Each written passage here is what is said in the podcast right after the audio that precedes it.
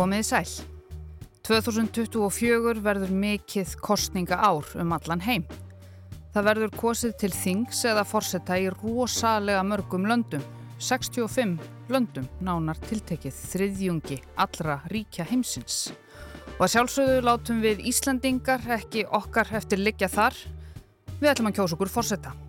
Og það verður nýr forseti því fjölskyldan á bestastöðum ætlar að flytja sig um set eftir 8 ára búsettu þar. Sagnfræðingurinn Guðni T.H. Jóhannesson tilkynnti í áramóta ávarpi sínu að hann hegðist nú róa og önnur eða gömul, mið, segja skilið við forsetaembættið og sinna fræðastörfum á ný. Í þætti gerdagsins í þetta helst voru kongar og drottningar á dagskráni fyrir komur lag sem verðist henda mörgum löndum enn þann dag í dag meðal annars í Skandinavíu. Þetta kerfi, þetta virðist verið einhvers konar farsælt að, sko, þó þetta sé hálf skitsofrend að maður hugsa um það. Lönd sem eru, sko, það sem mest demokratía eða, eða er að það, að það séu konungdæmi, menna eins og í Svíþjóð öll þessi ár sem að voru sósildemokratisk stjórn en konungdæmi, þetta er eins konar, sko, skitsofrend ástand en þetta virðist samt vera eitthvað kerfi sem að gengur vel vegna þess að þá, þá er þá, það verður á, eðlilegt framhald kontinuitet eins og það heitir nú til dags. Þetta er Elisabeth Brekkan. Kontinuitet framhaldið er fyrirfram ákveðið það er samfella í þessu. Það er engar kostningar, það er ekkit vesen. En fórsetun okkar er ekki kongur eða drottning, hann er kosin Og það leiði ekki langur tími frá þeim fregnum að sætið yrði laust þar til fyrstu vonbyðlarnir, frambjóðendurnir, letu á sér kræla. Það hefur nefnilega komið í ljós að ennbætti fórseta Íslands er starf sem nokkuð margir telja eftir sóknarvert og að þau eigi möguleika á að landa því. Ég heiti Sunna Valgerðardóttir og fyrsta lota baráttunar um bestastadi verður helst í dag. Það vill verða smávegis hafari í kringum fórsetakostningarnar hér þegar að sitjandi fórseti hefur ákveðið að hætta. Þá er allt gal opið. Það gerðist síðast fyrir átta árum þegar Guðni sigraði hina átta frambjóðenduna sem voru Andri Snær Magnarsson, Ástór Magnusson, Guðrún Margret Pálsdóttir, Elisabeth Jökulsdóttir, Davíð Ottsson, Hildur Þórðardóttir, Halla Tómasdóttir og Sturla Jónsson. Guðni, Halla, Davíð og Andri Snær voru reyndar saman með 94% fylgi daginn fyrir kostningarnar svo hinn 5 áttu lítinn sjans. Og þó að nýju nöfn síu slatti þá voru miklu, miklu, miklu fleiri nöfn í pottinum og fyrri stegum. Ólafur Ragnar Grímsson hafi verið fórseti Íslands í 5 kjörtímabill í 20 ár. Hann gaf út eins og Guðni í nýjársávarpi sínu að hann hegðist ekki gefa kost á sér til endurkjörs búin að verma sætið í tvo áratvíi og svona. Og þá, eins og nú, spruttu hinnir og þessir umsækjendur um lögheimili á bestastöðum fram. Þeir voru til dæmis Vigfús Bjarni Albertsson, Guðmundur Franklin Jónsson, Heimir Örn Holmarsson, Bæring Ólafsson, Andri Snær Magnarsson og Eiríkur Björn Björgvinsson. Og þó að okkur í dag finnist eftirköst heimsfaraldurs ítrekkuð eldgós í bakgörðum, stríð og verðbolga vera umróta tímar í íslensku samfélagi, þá er óhætt að segja að það hafi allt verið á haus þarna 2016. Sigmundur Davíð Gunnlaugsson var fórsetisraðura muniði. Mr. Prime Minister, what can you tell me about a company called Vintris? Well, uh, um, it's a company, if, if, I recall correctly, which is associated with one of the companies that I uh, was on a board of. And uh, was uh, had an account, which, as I as I mentioned, has been uh, with the tax uh, on the tax account since it was established. So now I'm starting to feel a, a, bit strange about these questions because it's like you are accusing me of something when you were asking me about a, com a company that uh, has been but, but, on my uh, tax return yeah, but I, I, it must be okay for me as a journalist to ask yes, Prime Minister about personal... But, but, uh, but, you are indicating that I have not paid uh, taxes on it. No, I'm just asking you okay, questions. Okay. So, so, but to go into the details, I would like my partner to do it in Icelandic because I don't have the details uh, to discuss it. Akkur hefur ekki, hefur ekki sagt frá... Og þarna í apríl 2016 fannst sittjandi fórsetta honum renna blóðið til skildunar. Og nýlega söfnuðust þúsundir saman við eh, alþingishúsið til að krefjast afsagnar fórsettisráð þeirra og nýra þingkostninga. Í þessu umróti óvissu og, og mótmæla og í kjálfar nýliðina atbyrða hefur fjöldi fólks víða að úr þjóðfélaginu á undanförnum vikum höfðað til skilduminnar, reynslu og ábyrðar og beði mig að endurskoða ákvörðunina sem ég tilkynnti í nýjásáartinu. Hvað til þess að ég gefi á ný kost á mér til ennbættis fórseta Íslands. Ólaf Ragnar skipti um skoðun og það hafði áhrif á marga frambjóðendur sem hættu við að bjóða sér fram. Eiríkur Björn saði til að mynda að sem sitjandi fórseti til 20 ára hafi Ólaf Ragnar mikið forskot á aðra frambjóðendur og hann dró frambóðu sitt tilbaka, eins og flestir sem hafðu gefið kost á sér. Andri Snær held þó ótröður áfram. Guðrún Nordal, forstöðumæður átnástofnunar, ætlaði frambóð en hætti við þegar Ólaf Ragnar hætti við að hætta. En, já, árið 2016 þetta var ár Panamaskjálana. Þau voru meðal annars ástæða þess að Ólafur gat ekki sagt skili við fórsetastólinn, saði hann svona óbeint. Þau voru minnstakosti ástæða umrótsins í samfélaginu. En í lok apríl fór Ólafur í viðtal við sjómastöðina CNN þar sem hann var spurður hvort að hann eða einhver honum tengdur ætti eftir að dúka upp í Panamaskjölunum. Nei, nei, nei, nei, nei, sagði Ólafur við CNN.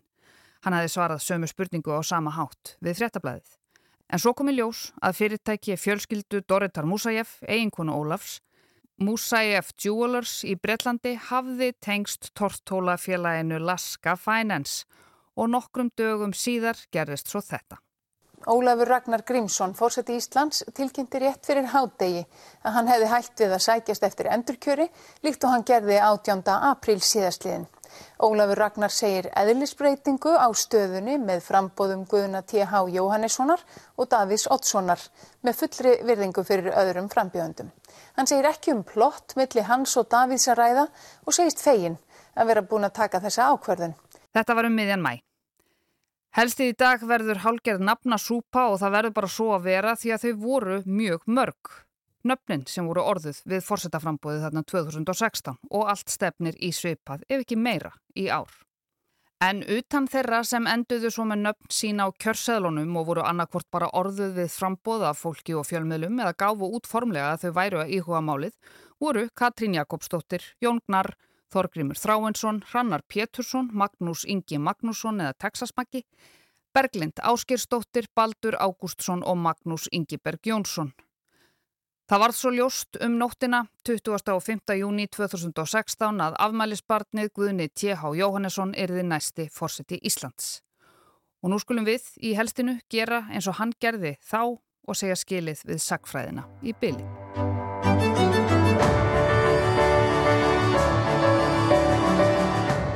Fórsetakostningarnar verða 1. júni næstkomandi eftir 5 mánuður rúma. Það þarf að uppfylla allskynns skilirði til að verða gjaldgeng á bestastæði og enn sem komið er, heilum sex dögum frá því að Guðni opinberaði brottkvarf sitt, hafa fjórir karlar og ein kona tilkynntum frambóð. Misformlega þó. Byrjum á formlegheitunum. og hérna, og mér finnst erfitt að segja þetta. mér finnst fárunlegt að segja þetta. Ég bara, ég bara, já, ég var ekki á þeim buksónum að gera þetta og ég er eins og ég saði við ykkur áðan mjög hlitræður og mér lifur ekki vel að vera á, á hérna, sviðinu. En ég finn til ábyrðar minnar í þessu máli. Og, og ég vil taka þessari áskorun og þessum áskorunum. En ég vil líka segja að, að ég finn ekki bara fyrir sko ytri þrýstingi. Þetta er ég er ekki bara að gera þetta því að eh, ég, fjö, veist, eins og menn segja menn hafa komið að málu Ég kom að málu við sjálfa mig. Ég finn fyrir innri þrýstingi til að gera þetta.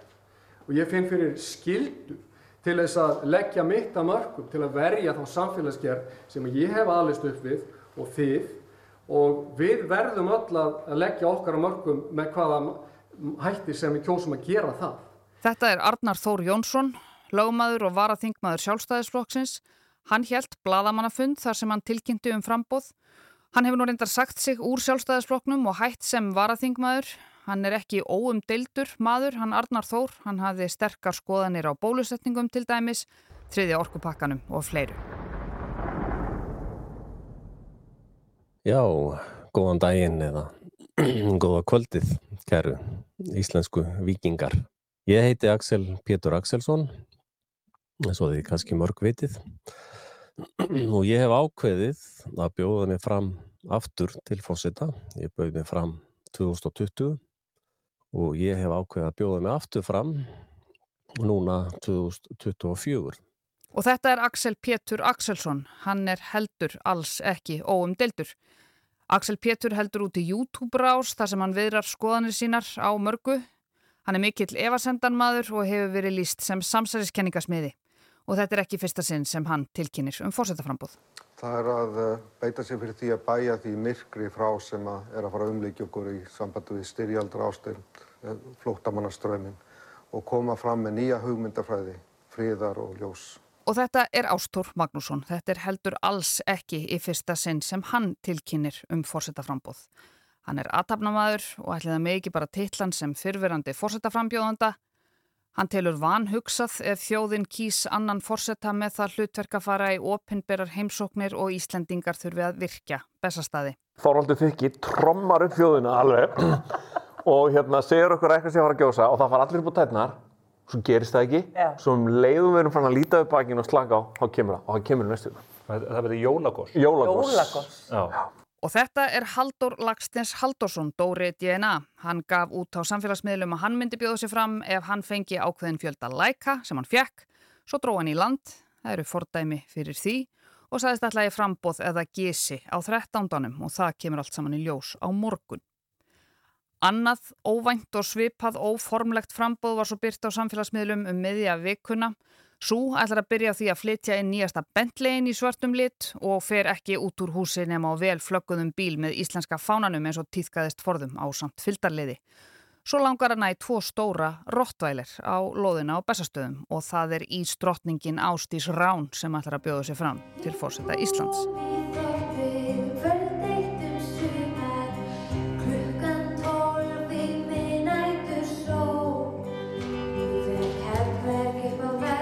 Hún ætlar að setja ný lög um sérstakar skatta á fólk og fyrirtæki sem eigi ekki auðra sinna tal og hyrða að þeim gróða eins og í Svíþjóð, segir hún, sem fyrir beint í að byggja fullt af leikskólum, ódýrum eða fríum íbúðum fyrir ungt fólk, aldraða og öryrkja á samt auðvita frýri læknistjónustu fyrir almenning sem týðkast líka hjá nágrannaríkjum okkar og svo kemur hún til með að byrja fólksflutninga til Akureyrar þar sem ný höfuborg verður krynd 2050 í sólinni án jarðhræringa. Á sama tíma verða framkvæmdir á stærsta skíðasvæði Evrópu upp á jökli nær Akureyri og alþjóðaflugvöllur í leiðinni. Ástis Rán ætlar að ráða beauty team á bestastæði og dressa sig bara upp í fínasta púsi frá þekktustu hönnuðum heims og í leiðinni setja dresskót á þingmennina. Tískan hjá þessum hópi er til skammar, segir frambjóðandin Ástis Rán. En Viðar Guðjónsson, hann er ekki fórsetaframbjóðandi, hann er bladamæður á MBL og hann skrifaði í vikunni frétt með fyrirsögninni Samkvæmisleikurinn hafinn. Meðfylgjandi er samsett mynd með allskynns þekktum andlitum, meðal annars má þar sjá Höllu Tómasdóttur, Ingi Björgur Solrúnu Gísladóttur, Magnús Geir Þórðarsson, Þóru Arnósdóttur og Dag B. Eggertsson. Grípum nú aðeins í greinina. Fyrsta á blað má nefna Yngibjörgu Solrúnu Gísladóttur, fyrverandi borgarstjóra og núverandi starfsmann saminuðu þjóðana og hafa nokkrir viðmælendur nefnt nafn hennar í tengslum við embættið. Yngibjörg Solrún segir reyndar við MBL að það sé svo fjarrri henni að hún hafi ekki einu sinni skengt þessu eina hugsun. Mín bjarta framtíð er að baki mér. Ég er búin með minn starfsferil, þetta er fyrir yngri mannesku, segir Yngibjörg Solrún, 69 ára. Andri Snær Magnason segist ekki ætla fram að þessu sinni við MBL og það segir Þóra Arnórsdóttir, samskiptastjóri hjá Landsvirkjun og fórsetaframbjóðandi árið 2012 sömu leiðis. Magnús Geir Þórðarsson, þjólikúrstjóri, er eitt þeirra sem hefur verið nefndur á nafn og hann segist ekki ætla að bjóða sér fram til fórseta.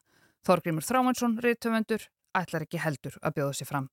Önnur nöfn í grein MBL eru Þorgerður Katrín Gunnarsdóttir formaður viðreistnar, Lilja Alfredsdóttir, efnahags- og viðskiptaráþura, Róbert Spano, fyrirverandi fórseti mannrettinda Dómstóls Evrópu og Alfred Gíslason, þjálfari Þíska landsliðsins í handbolta. Þetta er allskonar. En til að meir bjóða þig fram til fórseta Íslands er ekki nóg að vera 35 ára Íslandingur með stóra drauma. Þú þart að sapna saman að minnstakosti 1500 undriskriftum þó ekki fleiri en 3000. Skilaði minn fyrir tiltekinn tíma, fara í kostingabaróttu, ferðast um landið, haga þér vel, fara í viðtöl, svara spurningum allra, þóla gaggrinni og síðast en ekki síst, bera titilinn fyrverandi fórsetaframbjóðandi. Nú eða fórseti ef allt gengur upp, upp frá því. Ég heiti Sunna Valgeradóttir og hafði umsjón með þessum fyrsta helst þætti um fórsetakostningarnar á Íslandi 2024. Þættirnir verða líklega fleiri áður en stóri dagurinn rennur upp. Takk fyrir að leggja við hlustir í dag og við heyrumst svo aftur eftir helgi.